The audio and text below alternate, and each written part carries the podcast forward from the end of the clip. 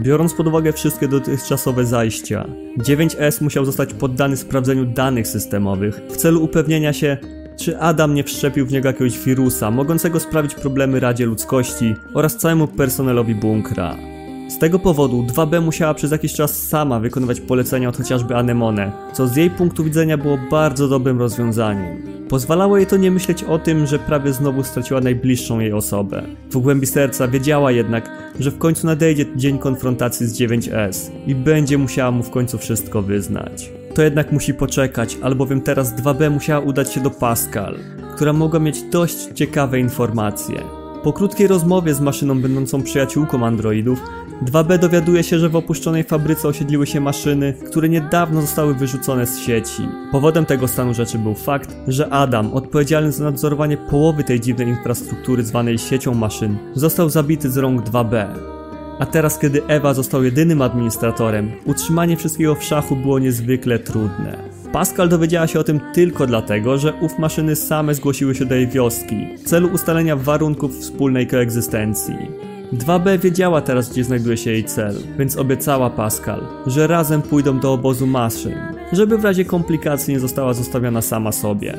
Ich podróż była dość spokojna, nie licząc niedobitków maszyn, które w większości przypadków nie chciały nawet walczyć, a jedynie wpatrywały się w coś, co prawdopodobnie nie istniało nigdzie indziej poza ich wadliwym oprogramowaniem.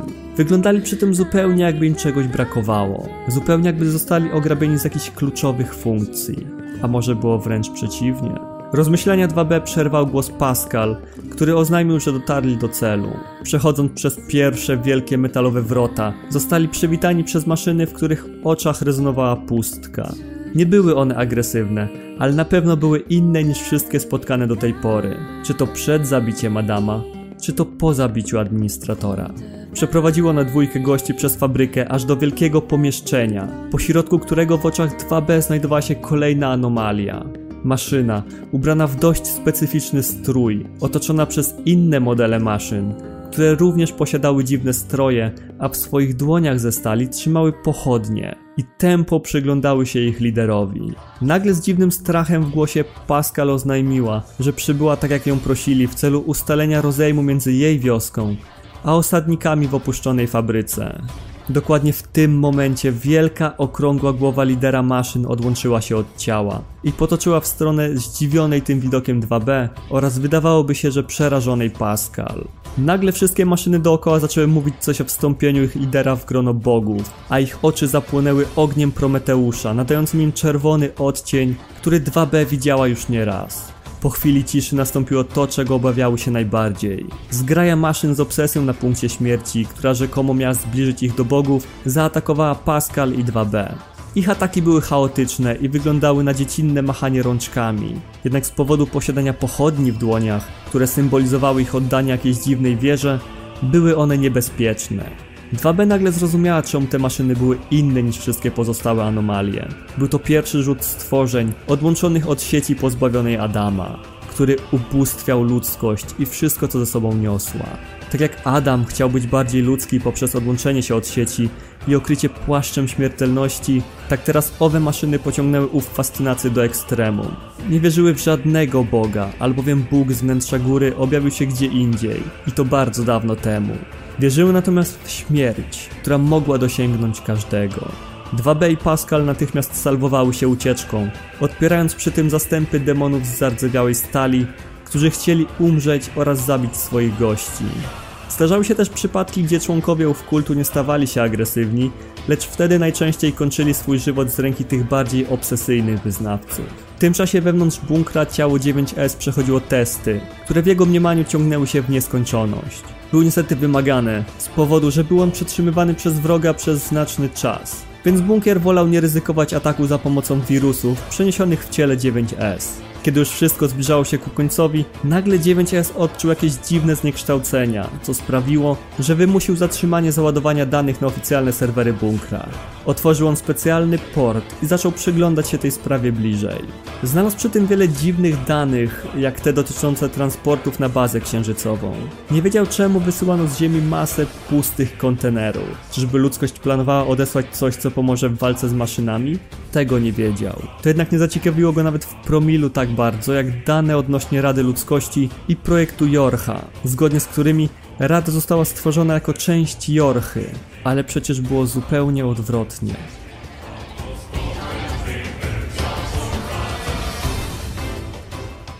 Po długim i okrutnym okresie walki przygód, prorok rzekł: Panie, obdaruj mnie łaską ziemi, obdaruj mnie łaską niebios, wyzwól mnie z tej niewoli żelaza, niechaj nasze dusze. Jego rozmyślenia zakłóciła dziwna transmisja. Nie wiedział, co dokładnie powinien o niej sądzić, ale wydawało mu się, że głos, który ją wygłaszał, był znajomy. Po raz kolejny poczuł dziwne uczucie. Tym razem było to zaniepokojenie. Postanowił jednak dalej szukać odpowiedzi w sieci danych i tak by było, gdyby nie fakt, że system nagle oznajmił, iż 2B poprosiła bunkier o awaryjne zapisanie jej pamięci na serwerach. 9S zerwał połączenie z serwerem i wybudził własne ciało. Jego własna operatorka powiadomiła go o sytuacji z 2B, o której poniekąd już wiedział wcześniej. Pognał natychmiast do głównego terminalu bunkra i postanowił namierzyć czarną skrzynkę 2B i pomóc jej jakoś. Jedynym wyjściem było przeniesienie się w ciało najbliżej znajdującej się jednostki zastępczej. Jednak żadna takowa nie znajdowała się w okolicy. Postanowił postawić wszystko na jedną kartę i przejąć kontrolę nad pierwszą w ogóle wolną jednostką, jaką znajdzie. Nie był nawet trochę wybredny, albowiem włamał się do ciała porzuconej maszyny i tak przeskakując z jednej na drugą jak wirus, udało mu się w końcu spotkać 2B i Pascal które nie wierzyły, że to w ogóle możliwe. Ostatecznie każde z nich parło dalej swoją własną drogą. 2B i Pascal walcząc z maszynami, a 9S w sieci, torując im przejście. Nawet pojawienie się Goliata nie było przeszkodą. 2B i 9S czuli, że znowu są razem i teraz stali się siłą, której nic ani nikt nie jest w stanie powstrzymać. Kiedy 2B była na ostatniej prostej, 9S znowu usłyszał dziwną transmisję. Tym razem zakończoną słowami Nasza dusza na wieki będzie ocalona. Nie rozumiał tego. Jak maszyny mogły wysyłać przekaz aż do serwera na Księżycu? A może było zupełnie odwrotnie? Znowu jednak przerwano mu te dywagacje.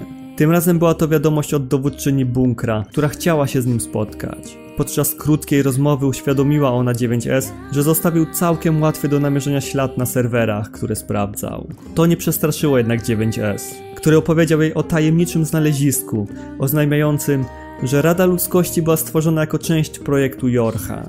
Dowódczyni wiedziała, o co chciał zapytać 9S i odpowiedziała twierdząco. To Jorcha stworzyła Radę Ludzkości, którą umieściła na Księżycu. Wszystkie sygnały i komunikaty, jakie otrzymywali do tej pory, były ustalane przez dowództwo Jorchy, a na samym Księżycu znajduje się jedynie mała baza, mająca na celu przechowywanie ostatnie zapiski prawdziwego ludzkiego materiału genetycznego. Bo tak naprawdę ludzkość w formie znanej nam i androidom z danych nie istniała nawet przed pojawieniem się kosmitu.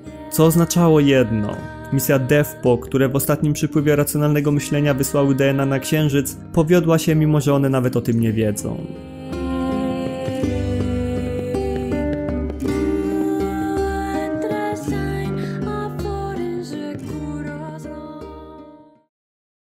Akord. Ostatnia ziemska obserwatorka. Ostatnie prawdziwe spoiwo naszego świata, świata intonerek i przyszłości, która jeszcze nie nadeszła, ale jej czas zbliża się nieubłaganie. Osobistość ekscentryczna, która obecnie jest już tylko cieniem dawnej siebie. Cieniem osoby, która z wielką walizką i książką przemierzała czas i przestrzeń. Prawdopodobnie gdyby mogła, to teraz zareagowałaby na to wszystko, co się dzieje. Jednak obecnie znajduje się w starym świecie. W miejscu na wieki skrytym pod płaszczem ciemności, wynikającym z faktu, że ów wersja Ziemi dawno przestała się kręcić, jak to niegdyś udowodnił pewien uczony. W swoim dość długim życiu widziała wiele, jednak nic nie smuciło jej bardziej niż widok jak ludzie jej bliscy tracą rodzinę. Nawet nie zdawali sobie z tego sprawy, że w poprzednich wcieleniach ich drogi również się skrzyżowały, a teraz Akord obserwuje na swoje własne oczy rozpacz Ewy po stracie swojego brata, osobnika będącego jego światełkiem w tym okrutnie ciemnym świecie. Widziała jak jego łzy uderzają o stół, przy którym niegdyś siedzieli z bratem, w celu upodobnienia się do ludzi. Miejsce, w którym uczyli się i bawili razem. Ewa był tak bardzo szczęśliwy z tego faktu i nie chciał walczyć z ludzkością i androidami, a jedynie spędzać cały swój czas z bratem. Tak się jednak nie stało. Adam nie żyje, a jego śmierć wyciągnęła z sieci część jego uczuć. Ewa będąc sam pogrążył się w nienawiści, która zmieniała go wewnętrznie oraz zewnętrznie. Gniew odblokowywał w nim geny, o których Akord chciałaby zapomnieć. Wraz z transformacją Ewy, jego ciało zaczął przejmować czarny tatuaż, oznaczający porzucenie dobroci na rzecz gniewu i rządzy mordu, którą deklinował jak wiersz. Obiecał, że wymorduje wszystkich, od androidów poprzez ludzkość, a na maszynach kończąc. Oczy Akord nagle zalały się łzami, kiedy uświadomiła sobie, skąd pochodzi ów ciemność. Przypomniał jej o tym tatuaż Ewy, który teraz zajmował pół jego ciała, a w miejscu, gdzie powinno znajdować się serce, pojawił się znak rodzeństwa, które doprowadziło do upadku jednego ze światów, a w jej głowie rozbrzmiewały słowa przysięgi kultu obserwatorów. Adam i Ewa, jak niegdyś dwie jedynki, były ogniwem zmieniającym zdarzenia. W ciele maszyn krążyło DNA rodzeństwa pierwszej intonerki, która zginęła z ręki brata jedynki, kiedy to prawdziwa jedynka została zabita przez Zero. Był to fenomen, z którym nie wiedziała jak sobie poradzić. Mogła w mgnieniu oka zniszczyć całą linię czasową, w której pojawiła się aż tak potężna anomalia. Jednak tego nie zrobiła. W głębi serca brakowało jej ich wszystkich, mimo że nie chciała się do tego przyznać. Ewa w tym czasie otarł się o ludzkość z powodu swoich uczuć. Wpadł w furię która sprawiła, że cała sieć maszyn poszła w diabły. Była ona stworzona albowiem w taki sposób, że potrzebowała dwóch głównych administratorów, a kiedy Adam umarł, a Ewa porzucił sieć, wszystkie dyrektywy zostały ustawione na wyjściowe.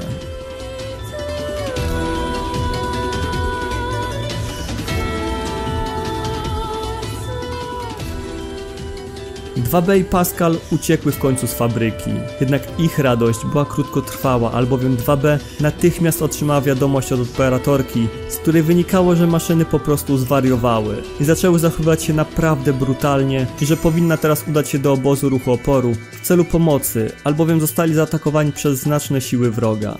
Pascal natychmiast udała się do swojej wioski w celu przygotowania się na ewentualny atak, a 2B, nie tracąc czasu, pobiegła przez znane jej tereny w celu niesienia pomocy.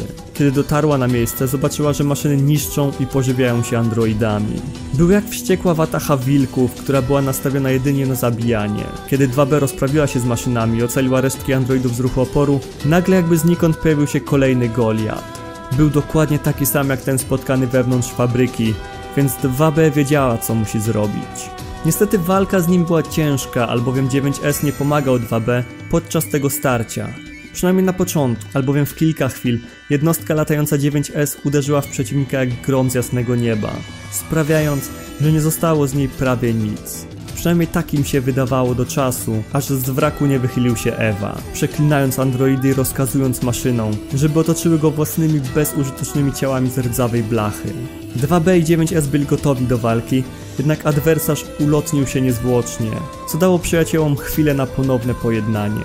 Radość z tego niestety została jednak znowu zakłócona przez sygnał SOS nadany przez Pascal, która błagała 2B i 9S o pomoc, albowiem Goliat pojawił się u wejścia do pacyfistycznej wioski maszyn. Nie czekając za wiele, dwójka przyjaciół udała się do miejsca, gdzie grasował przerażający przeciwnik i unicestwiła go. Z wnętrza maszyny wypadło jednak coś dziwnego, zupełnie jakby jej rdzeń, jednak przypominał on wyglądem czarne skrzynki wszczepione w ciała androidów Jorchy.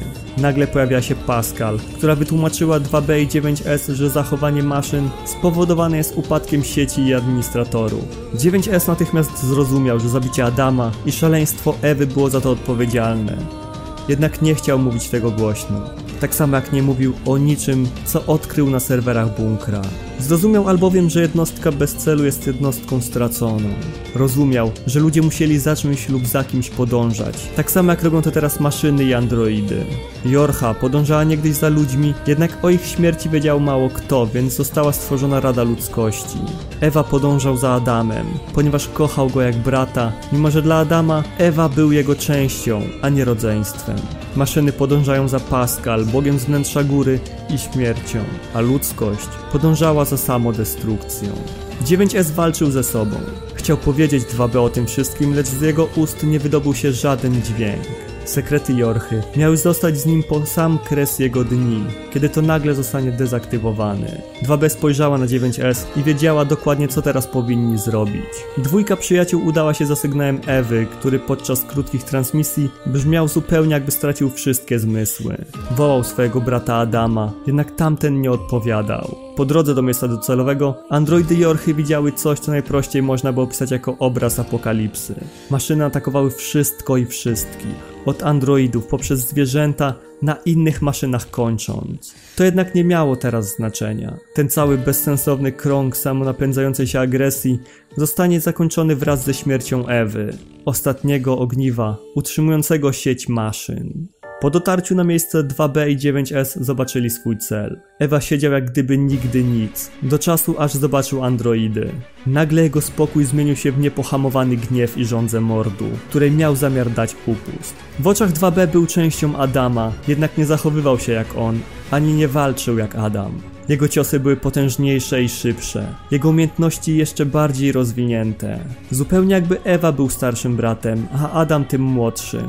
Wymiana ciosów między androidami a maszyną mogłaby trwać w nieskończoność, gdyby nie fakt, że 9S postanowił znowu zaryzykować i spróbować włamać się do ciała Ewy i osłabić go. Wymagało to jednak czasu i mogło ostatecznie okazać się gwoździem do trumny Jorchy. Mimo to postanowił spróbować. Kiedy 2B walczyła z Ewą, 9S zwiedzał jego wnętrze, przełamywał kolejne bariery ochronne jego programu i zagłębiał się w umysł adwersarza do momentu, aż udało mu się go osłabić na tyle, że razem z 2B mogli podjąć równy pojedynek. Los bitwy nagle się odwrócił i teraz ewolucja nie była już po stronie Ewy którego ciało okryło się czarnym tatuażem, zupełnie jak niegdyś tajemnicza choroba okrywała ciała ludzi. Jego oczy przybrały kolor karmazynowy, a krzyki nasycone były złością i rozpaczą. To jednak mu nie pomogło, albowiem dzięki wspólnemu atakowi 2B i 9S powłoka ochraniająca Ewę została zniszczona. 9S próbował podnieść swoje ciężkie i osłabione ciało, żeby wznowić pojedynek, jednak nie był w stanie. Jedyne co widział to swoją przyjaciółkę 2B, która słaniając się na nogach podniosła swój miecz, którego ostrze zostało złamane w trakcie pojedynku i zmierzała w stronę Ewy, który klęczał na ziemi i ze łzami w oczach wspominał swojego brata Adama. Brata, którego kochał nad życie i dla którego zrobiłby wszystko. Nagle 2B pojawiła się nad nim i podniosła swój uszkodzony oręż, żeby wykonać ostateczny cios. Zawahała się na chwilę, kiedy usłyszała, że Ewa po cichu łka, po czym wepchnęła mu złamane ostrze miecza w głowę przeciągu sekund dzielących Ewę od śmierci przypomniał on sobie te wszystkie momenty, które spędził z bratem. Wspomnienia o wspólnym jedzeniu, treningach, zabawach, nauce i o tym, jak to nie raz, nie dwa błagał go o to, żeby razem uciekli i porzucili całą tę walkę i zostali razem na zawsze.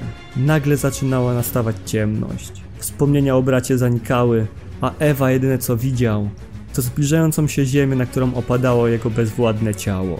2B poczuła ulgę. Jednak jej radość z zakończonego pojedynku minęła, kiedy zauważyła 9S, w którego oczach pojawił się karmazynowy błysk. Stało się to, czego oboje się obawiali. Podczas próby złamania Ewy, 9S musiał udać się do wnętrza adwersarza, co sprawiło, że zaraził się jakimś dziwnym wirusem, który wyglądał jak ten oddziaływujący na maszyny. 2B błagała 9S, żeby załadował swoje dane do bunkra, ten jednak odmówił, twierdząc, że takie coś sprawiłoby, że serwery Rady Ludzkości również zostałyby zainfekowane. Ciało 9S zaczęło się zmieniać, zupełnie jak niedawno ciało Ewy. Jego oczy aż płynęły od karmazynowego koloru i jedyne co udało mu się wykrztusić z siebie to prośba skierowana do 2B. 9S chciał, żeby 2B zabiła go, albowiem nie chciał błąkać się po świecie jako bezmyślna, szalona maszyna, która nic nie pamięta i wolał zginąć z ręki osoby mu bliskiej. 2B z bólem postanowiła spełnić ostatnie oświadczenie swojego przyjaciela. Delikatnie położyła go na ziemi, siadając na nim okrakiem i zacisnęła dłonie na jego szyi, co miało za zadanie odciąć pompowanie mieszanki w jego ciele i dezaktywować go na zawsze. 9S widząc to wszystko w swoich ostatnich chwilach zdał sobie sprawę, że tak jak Ewa prawie stał się ludzki, tak teraz 2B osiągnęła ten sam stan. Po czym nastała ciemność i każdy z jego zmysłów zaczął się samowolnie dezaktywować, doprowadzając do całkowitego zawieszenia funkcji życiowych. Temu wszystkiemu przyglądała się Akord ze Starego Świata, widząc w tym poświęcenie Niera dla swojej siostry oraz rodzeństwo, o którym 2B i 9S nie mieli pojęcia. Dwie dziewczynki ubrane na czerwono, przypominające Siri i Manę, w których oczach znajdował się karmazynowy błysk. Nie były one jednak tam materialnie, a jedynie w dziwny duchowy sposób, zupełnie jakby były prześwitami z innej linii czasowej. 2B czuła narastający w niej gniew, który postanowiła wyładować na znajdujących się dookoła szczątkach maszyn, które jakimś cudem zaczynały się samodzielnie aktywować. Jednak ich oczy nie świeciły na czerwono, lecz zielono. Nagle części maszyn zaczęły kierować się w stronę wielkiego stosu ciał, spośród którego wyłoniła się jednostka większa niż wszystkie inne. 2B miała już atakować, kiedy to usłyszała głos 9S. Postanowiła poczekać chwilę i upewnić się, czy to nie jest jakiś podstęp maszyn, ale tym razem tak nie było. To był prawdziwy 9S, który wytłumaczył 2B, że rozsiał cząstki swojej osobowości po wszystkich maszynach znajdujących się dookoła. Miało to na celu rozdrobnienie wirusa do takich rozmiarów, z którymi jego świadomość mogłaby sobie poradzić sama. 9S w ciele maszyny podniósł 2B, patrząc na nią jak na swój skarb. A ona zaczęła się zastanawiać, co tak naprawdę odróżnia maszyny od androidów.